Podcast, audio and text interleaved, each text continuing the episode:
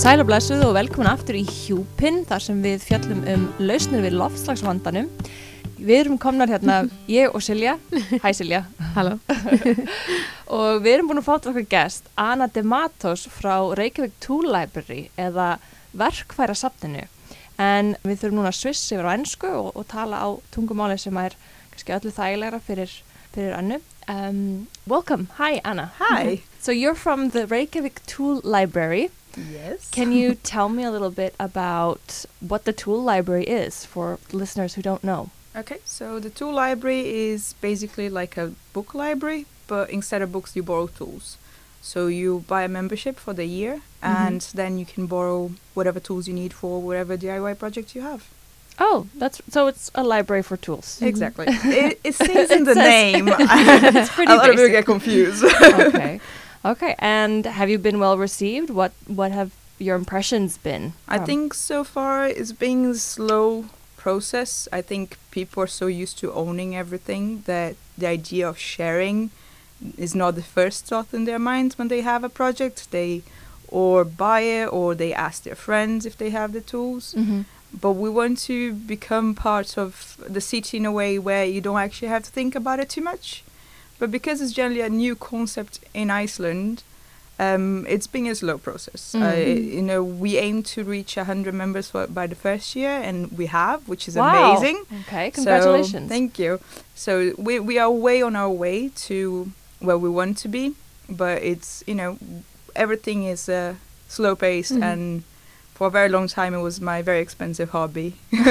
okay. but now it's it's fine and you know we got some grants so that's been Oh. very good that we got some support and some validation, more the validation than the money Mm. or anything Mhm. like say that, that we this actually is a doing project that's worthwhile. exactly But and how I think did this like arise? Like, was it from an environmental interest or? so so it was a little bit of a selfish interest from the beginning Did you need lots of tools? I needed lots of tools, basically. Yeah. Uh, when I lived in the UK, I had lots of tools. I worked as a conservator restorer for historical buildings, and I always owned a lot of tools. Um, and I used to make surfboards as a hobby, so I always Whoa. had a lot of stuff. And when I moved here, I sold it all, and I was like, I'll just buy it when I get there.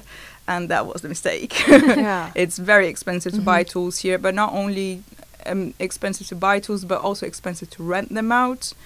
Because obviously, I moved here, I didn't know many people, and you know, it's not like I can go around asking people to borrow things from them. Did and you try?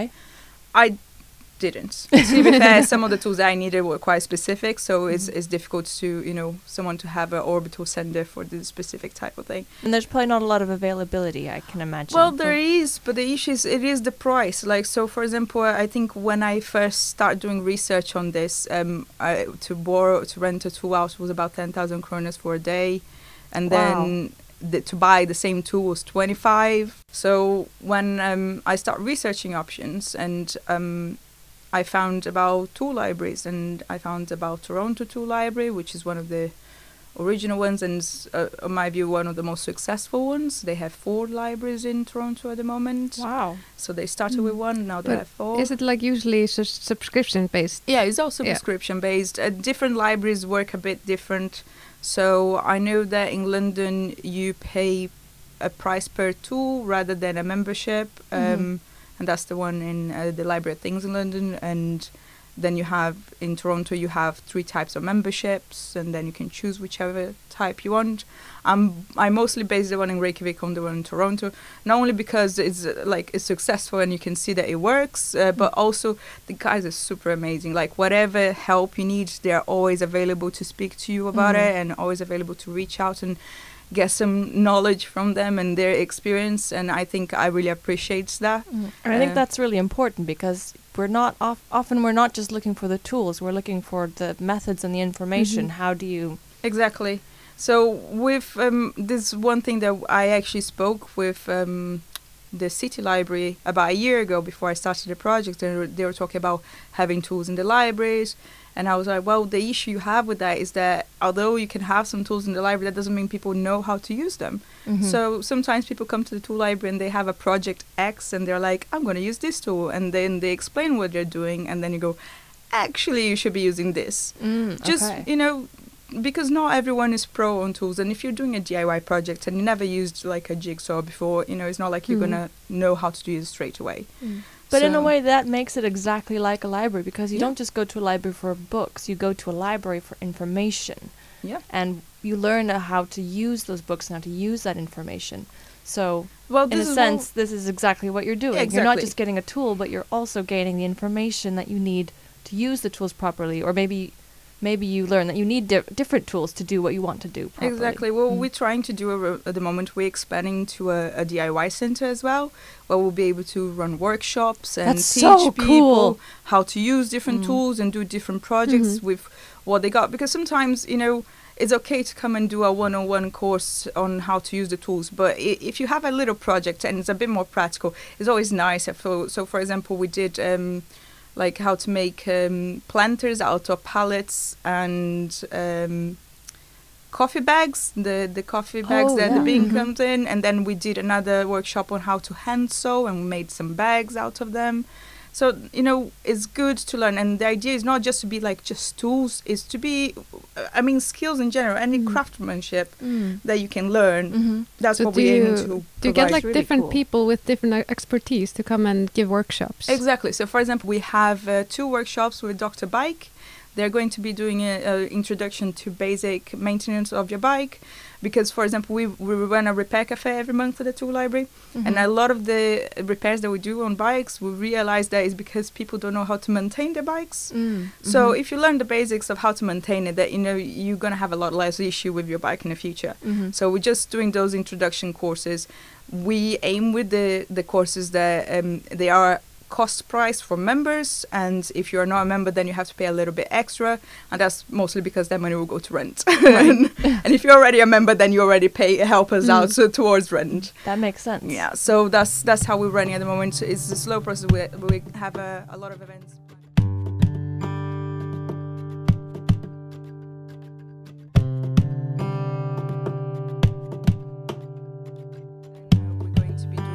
Workshops on how to make um, bioplastics.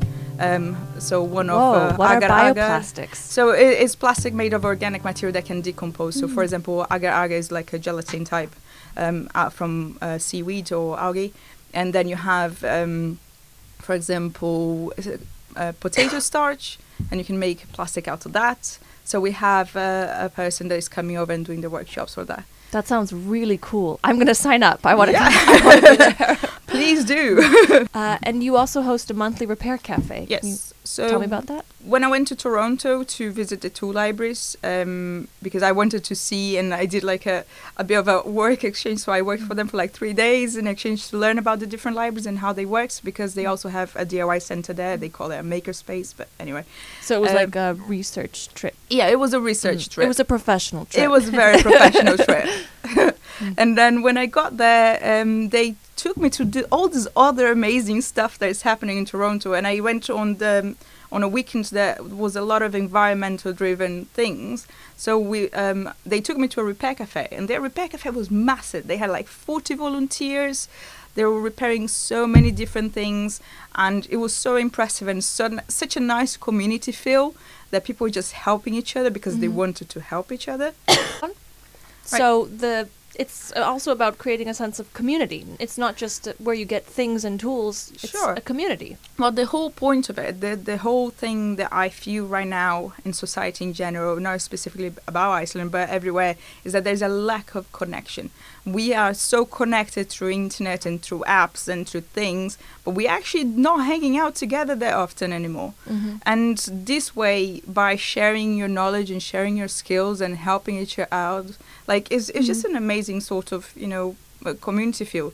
We we had um, a shed um, in the grounds of the tool library, and we needed to tear it down. And then I just put a post up on our Facebook group, and 20 people just showed up to volunteer, you know, to help us do that. Oh, that's And it's just amazing to have that sort of connection with Mm. people and be able to do that and do it, pay it forward as well. Like I try and help as many people as I can Mhm. along the way. So if I know someone that can connect and do something for you, then I'm gonna try and connect the two of you because I think what's the point of having all this knowledge and all these things if we're not gonna share Mhm. them? And I think the whole thing of um, doing it for money is it just takes the passion out of it a little Mhm. bit. Like I don't want to do things because I need the money. I want to do things because I want to help people out and I love doing them. And you know, those two connect on on a tool library on a DIY center. But you can hit two birds with one stone. I mean, you can make a living from doing something, but it's also something that you're passionate about and that you feel is a contribution to the community. I think there's a big misconception of what a non-profit is. A lot of people think that non-profits don't get paid, and it's like no, uh, payment, No. wages, Hmm. uh, rent, that all come out of cost. Well, it doesn't come out of profit. Yeah, they So- wouldn't exist if there was n- no money. If, yeah. But the, the whole thing with profit is that, like, if you are a non-profit, all it means is that the money that is made extra, I would say, Mhm. um, is just invested back into Mhm. the business, which means we can buy more tools. We can maybe make the membership uh, memberships cheaper for people. Mhm. you know and and that way is you just balance yourself out no one needs if you're getting a wage you don't need a profit if you're making a living out of it you don't particularly need to be rich off of it you know it's not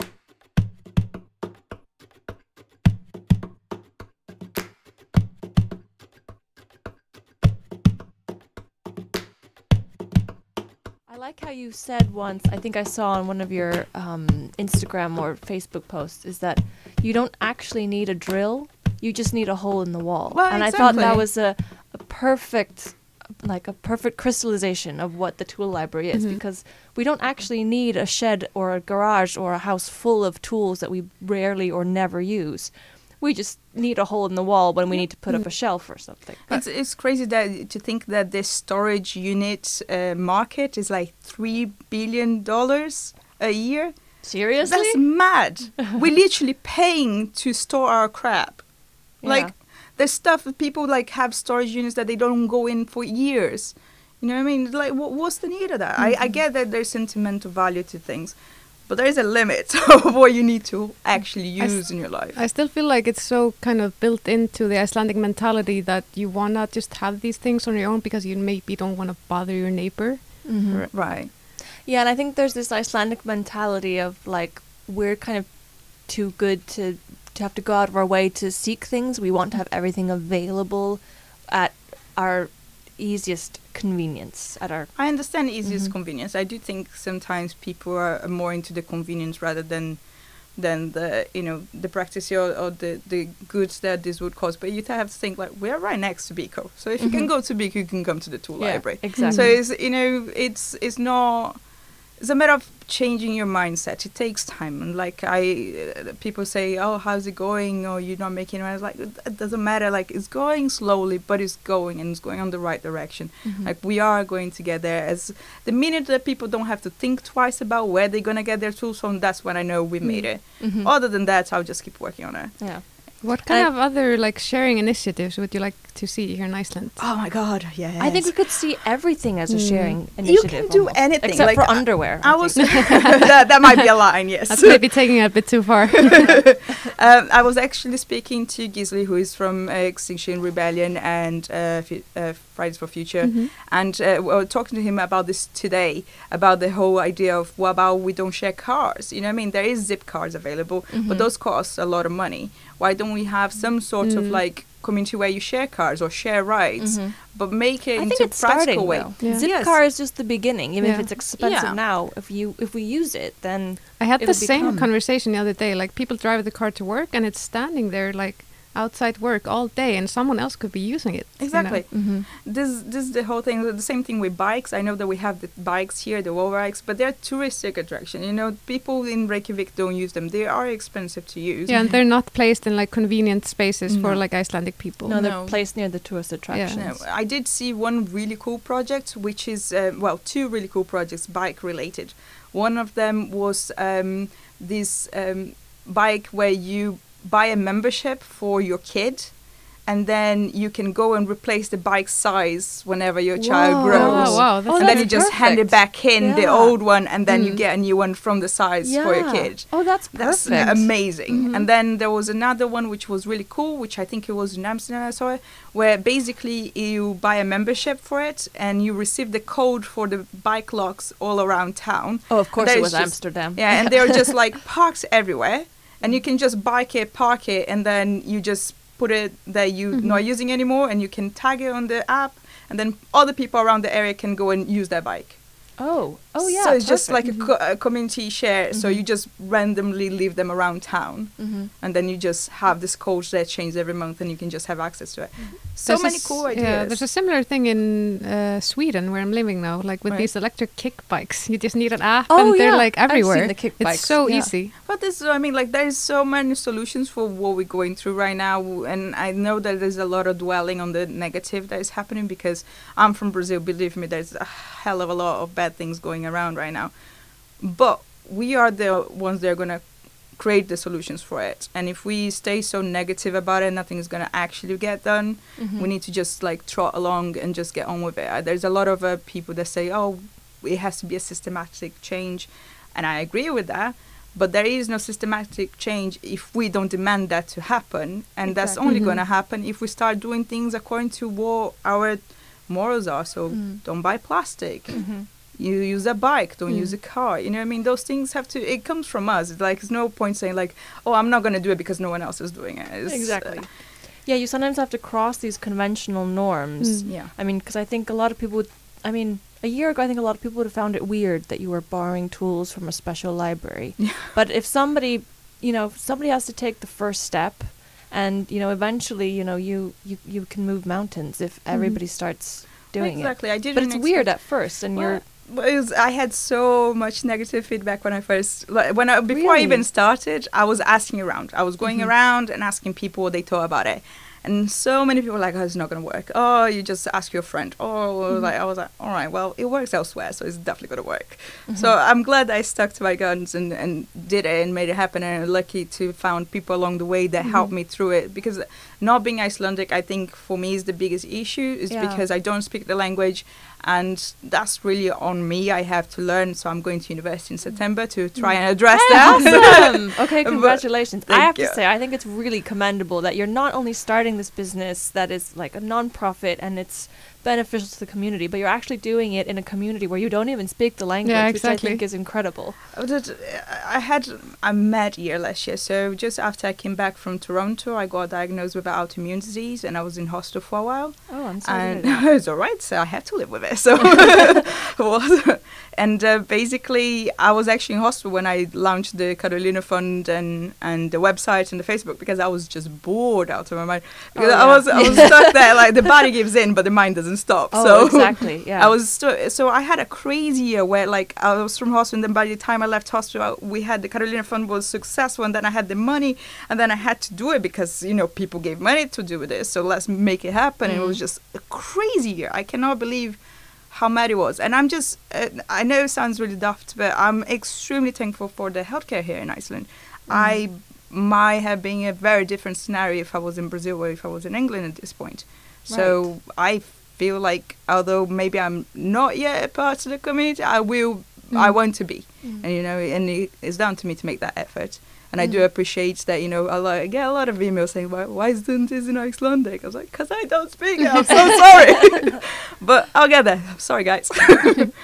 Well, I think that's, I think it's incredibly. Sorry, sorry. I think it's incredibly brave of you Mm. to have started this. I think we all are brave in our ways. We just have to find our niche and go for it. Mm. So you're just going to be starting school, university in the fall and running your own business. Yes. Sounds like a kind of quiet year. Are you sure yeah, won't get- it's so quiet. I have no plans at all. Yeah. No, it's going to be a bit crazy, but you know, um, I've been very lucky that we got uh, the Women Entrepreneurship Grant, and Mm. that is able to. Can you tell me about the women internship grants? Uh, the, yeah, then- entrepreneurship grants. Yeah, so women entrepreneurship grants. so it's a grant that the city of Reykjavik supports from the Labour, um, the Ministry of Labour, Mhm. where it supports women in business. So there is two types of um, grants you can get from them. One is for business planning, so you can get I think six hundred thousand kroners to do your business plan. So you can use that money to pay someone to do it for you or take time off work. So that's one. And then the other grant is I think it's up to four million kroners, but I think it changes every year depending on um, the amount of money that they get from the the city or. Uh, Well, congratulations on Thank getting you. grant. so basically, That's pretty awesome. Yeah. So Mhm. basically, we were a- we got like three million kroners for Mm. that, and that is for wages and marketing. Oh, so perfect. it, it aff- like affords me to be able to take this time to actually just focus on this and get this ball rolling, which is amazing. I also had, uh, you know, I was working for Omnom part time throughout my whole illness. They were extremely amazing towards me, and I, I can't, you know, thank them enough. And it's just been a crazy few year. Yeah. and it was quite funny because basically the two libraries behind Omnom, so we joke that if I just knock that down, door down, like the wall I can just stay working on both. But, you know. are you the only employee right now, or are there more Um, people so, involved? Uh, I am the only employee. Um, we do I do have a business partner. His main focus is grant application. He's Icelandic. His name is Hafliði. He's a really cool guy. Hey, Hafliði. um, and we work really well together because although he has uh, his other job, um, when it comes to grant application, he's just very solid at doing this, and we have a good communication where where I want to do and how he can translate that into what the application should be in. Um, and then I have a few people that advises us and vice versa. Like I help them out, they help me out. Um, and then I am hopefully having one employee every other Sunday when we have community nights on the DIY center. So every other Sunday we're gonna have like a community night where you can just pay per go um, to use the community center, uh, the DIY center. And that way, people don't have to buy the membership. They only need to do one thing once. Um, but I do need to have a person there to be able to use the machinery properly because a lot of the equipment that we have there are a bit heavier duty. Uh, we, as I said, we have a good partnership with Fossberg, who like provided us with half, uh, like half of the tools as donation, half of it we bought it from them.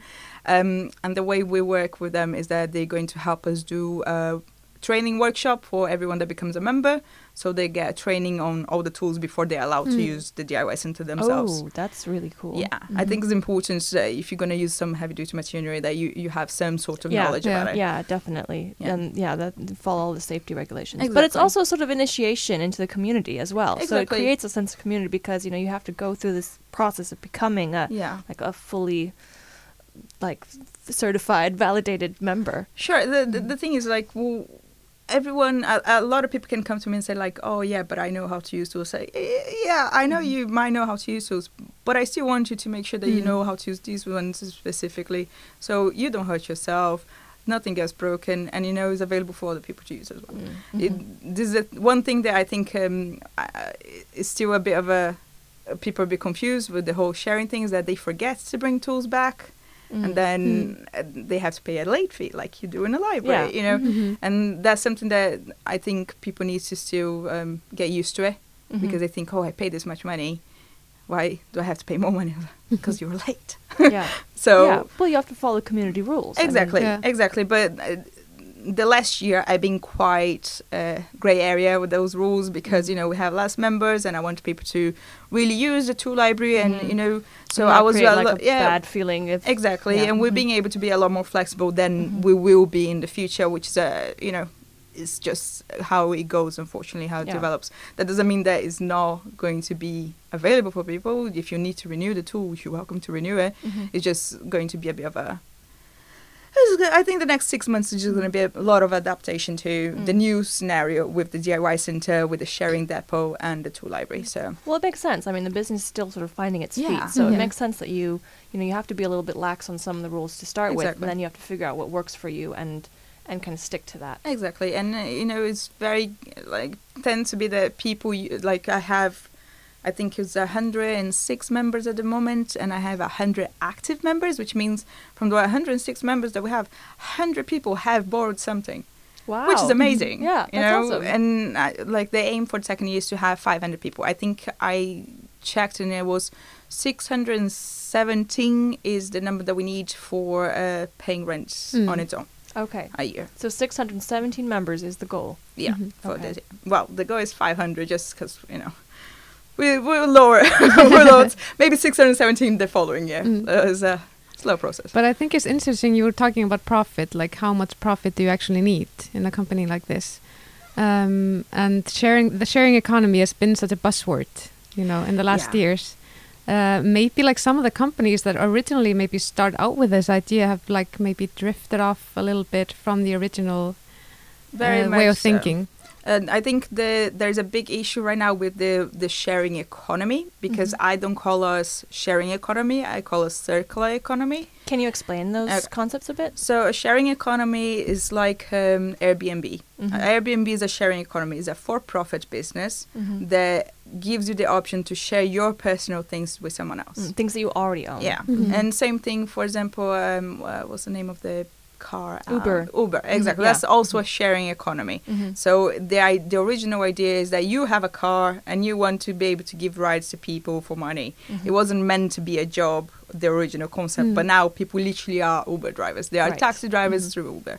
So those sort of uh, companies, they kind of give the sharing economy a bad name, and that there is a difference. So a circular economy is something that it aims to maintain uh, um, circularity on not only the monetary but the the things that we own. So, for example, if you um, if you start with a circular design and you create a product that you already know where that product is going to end once the lifespan of the, prob- uh, the, uh, the product is over. Mhm. So let's say you, you make something out of uh, wood.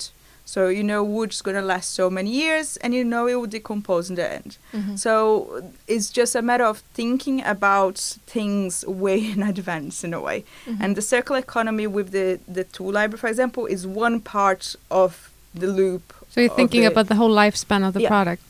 Yeah. Mhm. Yeah, I've heard like people talking about, for example, like why don't we just rent uh, refrigerators, for example, True. because companies they don't make them to last, No. or like But- that would be an incentive for the companies to rather maintain them uh, rather than selling us new Mhm. refrigerators But every ten years. This is the Mhm. thing. So there used to be like that. This is the thing. So in the fifties, uh, they had we have a bit of a, change up. People start making money. Then they're like, I don't want to share anymore. I don't want to have things. I want to have them shiny and new. Mhm. And then people start buying things. So things were not made for less anymore. So I have uh, I think five um, five sewing machines at the tool library. Three of them are very old, and they are extremely reusable. I mean, like I can Durable, fix them. yeah. I can. They break, we fix. They Mhm. break, we fix. Mhm. It's that easy. Mhm. Where the two most recent ones, they break. I, I can't do anything with them. Mhm. You know, there is no like n- the spare parts are not available anymore. Um, you know, because as I said, they're not made to last. Mm. Mhm. Um, there is a movie called um,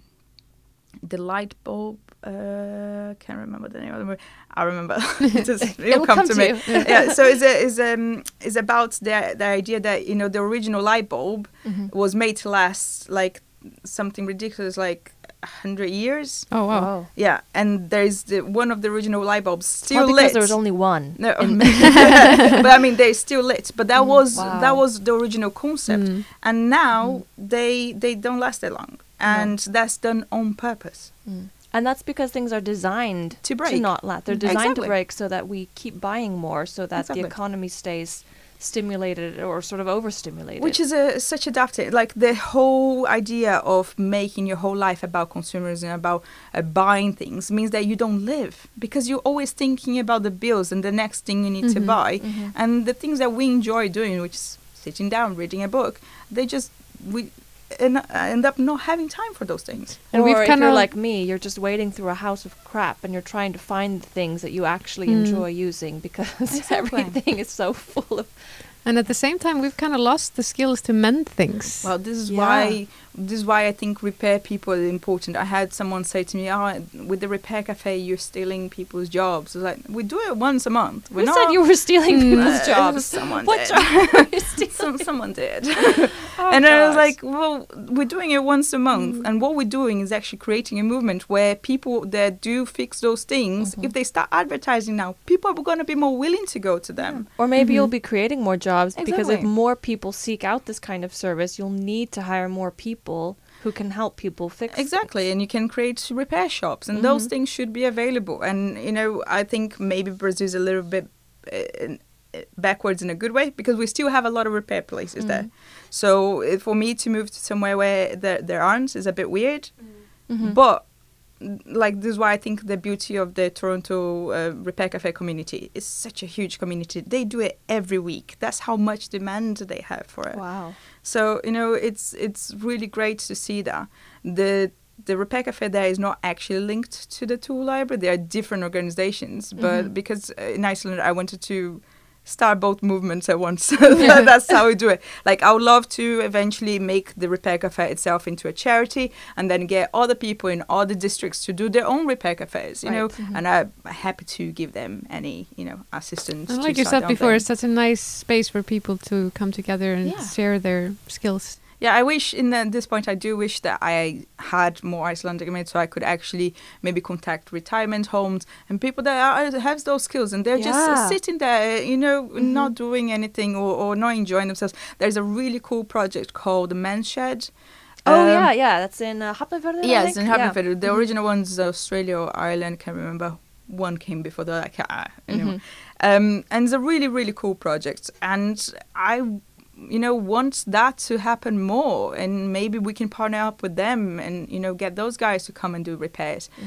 No one needs to be a professional. We just need to try. Mhm. And that's it. We don't fix everything for sure. We, we try our best. How do you feel about government incentives like like um taking I couldn't say my oven like um repealing tax uh off of re- repealing like the VAT for repair work. I think Sweden's doing that right Oh, now. They have like an incentive on repair shops. If you Mhm. want to open a repair shop, there's like a tax reduction incentive. yeah. I to do just think- make it cheap and also to make it cheaper for people to seek that kind of service. Yeah, I think anything like, although I do think like uh, the tool library should be part of the community and be part of the city eventually. Mhm. I do.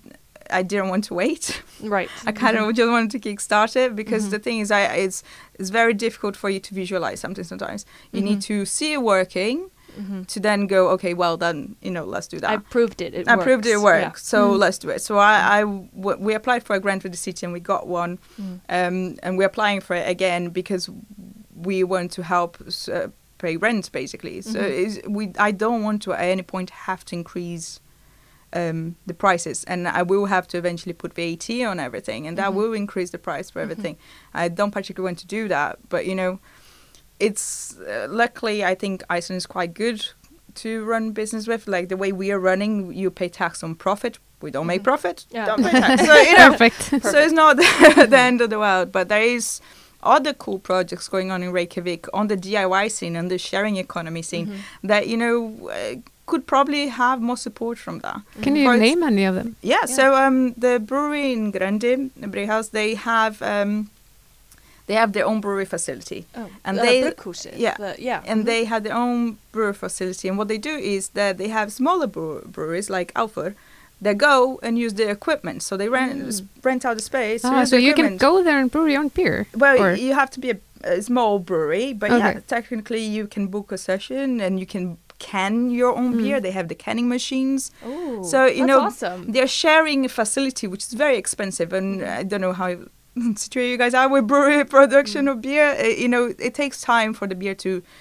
you know, become beer. Right. So sometimes the equipment is empty and it's not being used. Yeah, so, so- that way people can use it. And it's a win-win for everyone. Exactly. Yeah. And then you have uh, the guys from R6013, which is a DIY music venue, and um, Ægir, the guy who who created, um, he's uh, he has a, a label called Why Not Plötur. And they do this really cool thing where they put the money forward to be able to support the artist's pre- um, um, albums, and then once the money is back, the rest of the money stays with the artist. It's just like all of this supporting I've the never heard of community. Yeah. Exactly. This is what I mean. Like they are very small, but basically, I just think that there is a lot of really cool things going Mhm. on in town, and although we are not the same, we all supporting each other Mhm. in a way. For example, I buy beer from them, you Mhm. know, and then I get the guys from them to help on the the fundraiser from R613 to come and help us with the fundraiser, and that way we all support each other. Oh,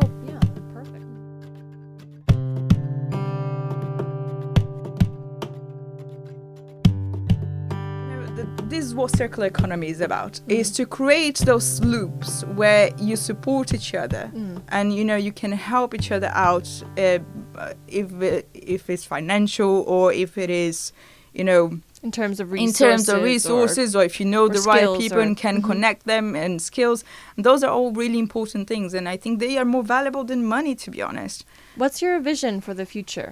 Like, do you see Grandi becoming kind of like a DIY Oh, it's, sharing a, it's economy. already super hip. Yeah. Let's be honest. Yeah. I'm really happy that we got integrated when we did. Um, there is some really cool projects going on. I think uh, Precious Plastics now becoming uh, Plan with Bjorsi, and he's doing some really cool stuff uh, by Oh, recycling. Who does Yeah. the the brewing the Oh, stuff yeah. from Yeah. um, from he dumpster dives and Yeah, then brews exactly. beer from the Yeah, yeah. uh, yeah, it's his brews, I think vodka or alcohol from Mhm. here. But basically, he's doing a, a project called um, Plastplan, where it's a Mhm. business where they go to supermarkets, get the plastic, and then they make into products for the supermarket. So, oh, cool. you know, super cool stuff like that, and that's happening all around Mhm. Grandi area. There's a lot of design studios. There's a lot of new restaurants popping over. Mhm. What about your own business? Do you have any further plans on how Oh, you can have develop so it in the future? Yeah, tell, tell us some of your plans. The dream. Tell us Uh, your grandiose plans for when you take over the world. Uh, okay, so the big, the big dream, the original plan, which is uh, I had to simplify a lot,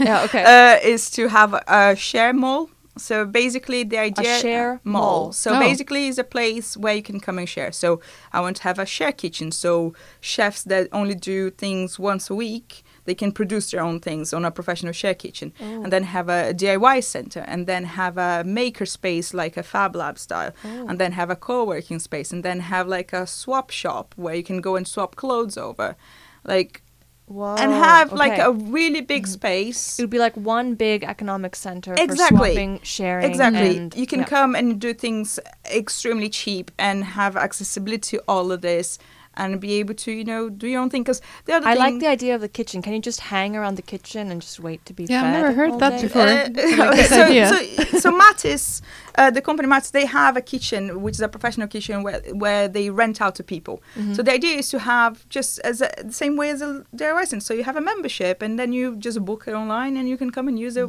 what you need to use it. So it, by doing that, you make it cheaper for everyone. Mm. You know, there is so many things that can be shared, and that we should really push forward with it. But I'm just one person; I can't do everything. Someone One else thing at a gotta time. lead on that But maybe more people, maybe some of our listeners are interested and would want to Mm, join you. That would be great. Tell me a little bit. What are maker spaces? You mentioned this about Okay. Toronto, and So a wanna makerspace is we are doing a DIY center, which is a, a version of a makerspace. Generally, makerspace uh, more linked like uh, with Fab Lab. Uh, Mm. Have you heard of Fablab? Yeah, Isn't the- that they're like, the digital printers? yeah exactly Yeah, exactly. So they are more on that technical side where they do more things uh, with computers. They do um, 3D printing, laser cutting, Mhm. CNC milling, which are all uh, a lot of technical things.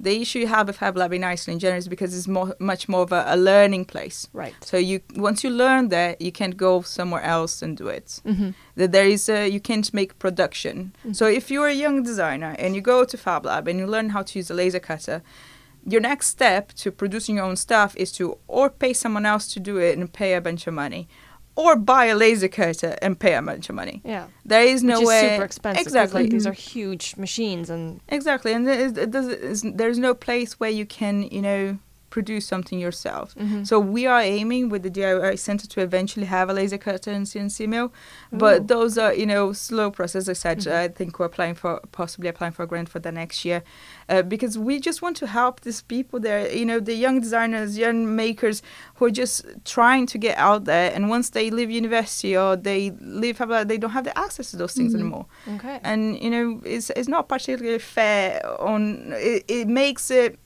unfair to people of lower income to be able to have access to those things Mhm. and you're saying to you you can make a prototype but you can't produce which means you can't check if your if your thing works or not for for future Yeah. sales which means that you know if you spend all this money making a production It's a small sh- yeah, production it's such a big lot of investment, and money, then- you yeah. know? Mhm. and you know things work and things fail so you should test them out and you should check it out before you put a bunch of products out in the, in the Mhm. market And like a makerspace or a or a like design lab like this would give people the opportunity to kind of test them out in maybe smaller batches and Yeah, see exactly. what works. Yeah. exactly and you know if you have uh, a project like so we're talking about the guys from uh, toronto did a really cool project with um, the their version of comic con there so they had a lot of people that were dressed up and they were doing all the accessories for their for their costumes Mhm. On on the 3D printers and on the Oh, laser cool. cutter. So that, you know, there's so much you can do with those Mhm. sort of things. You just have to be able to you know have access to it.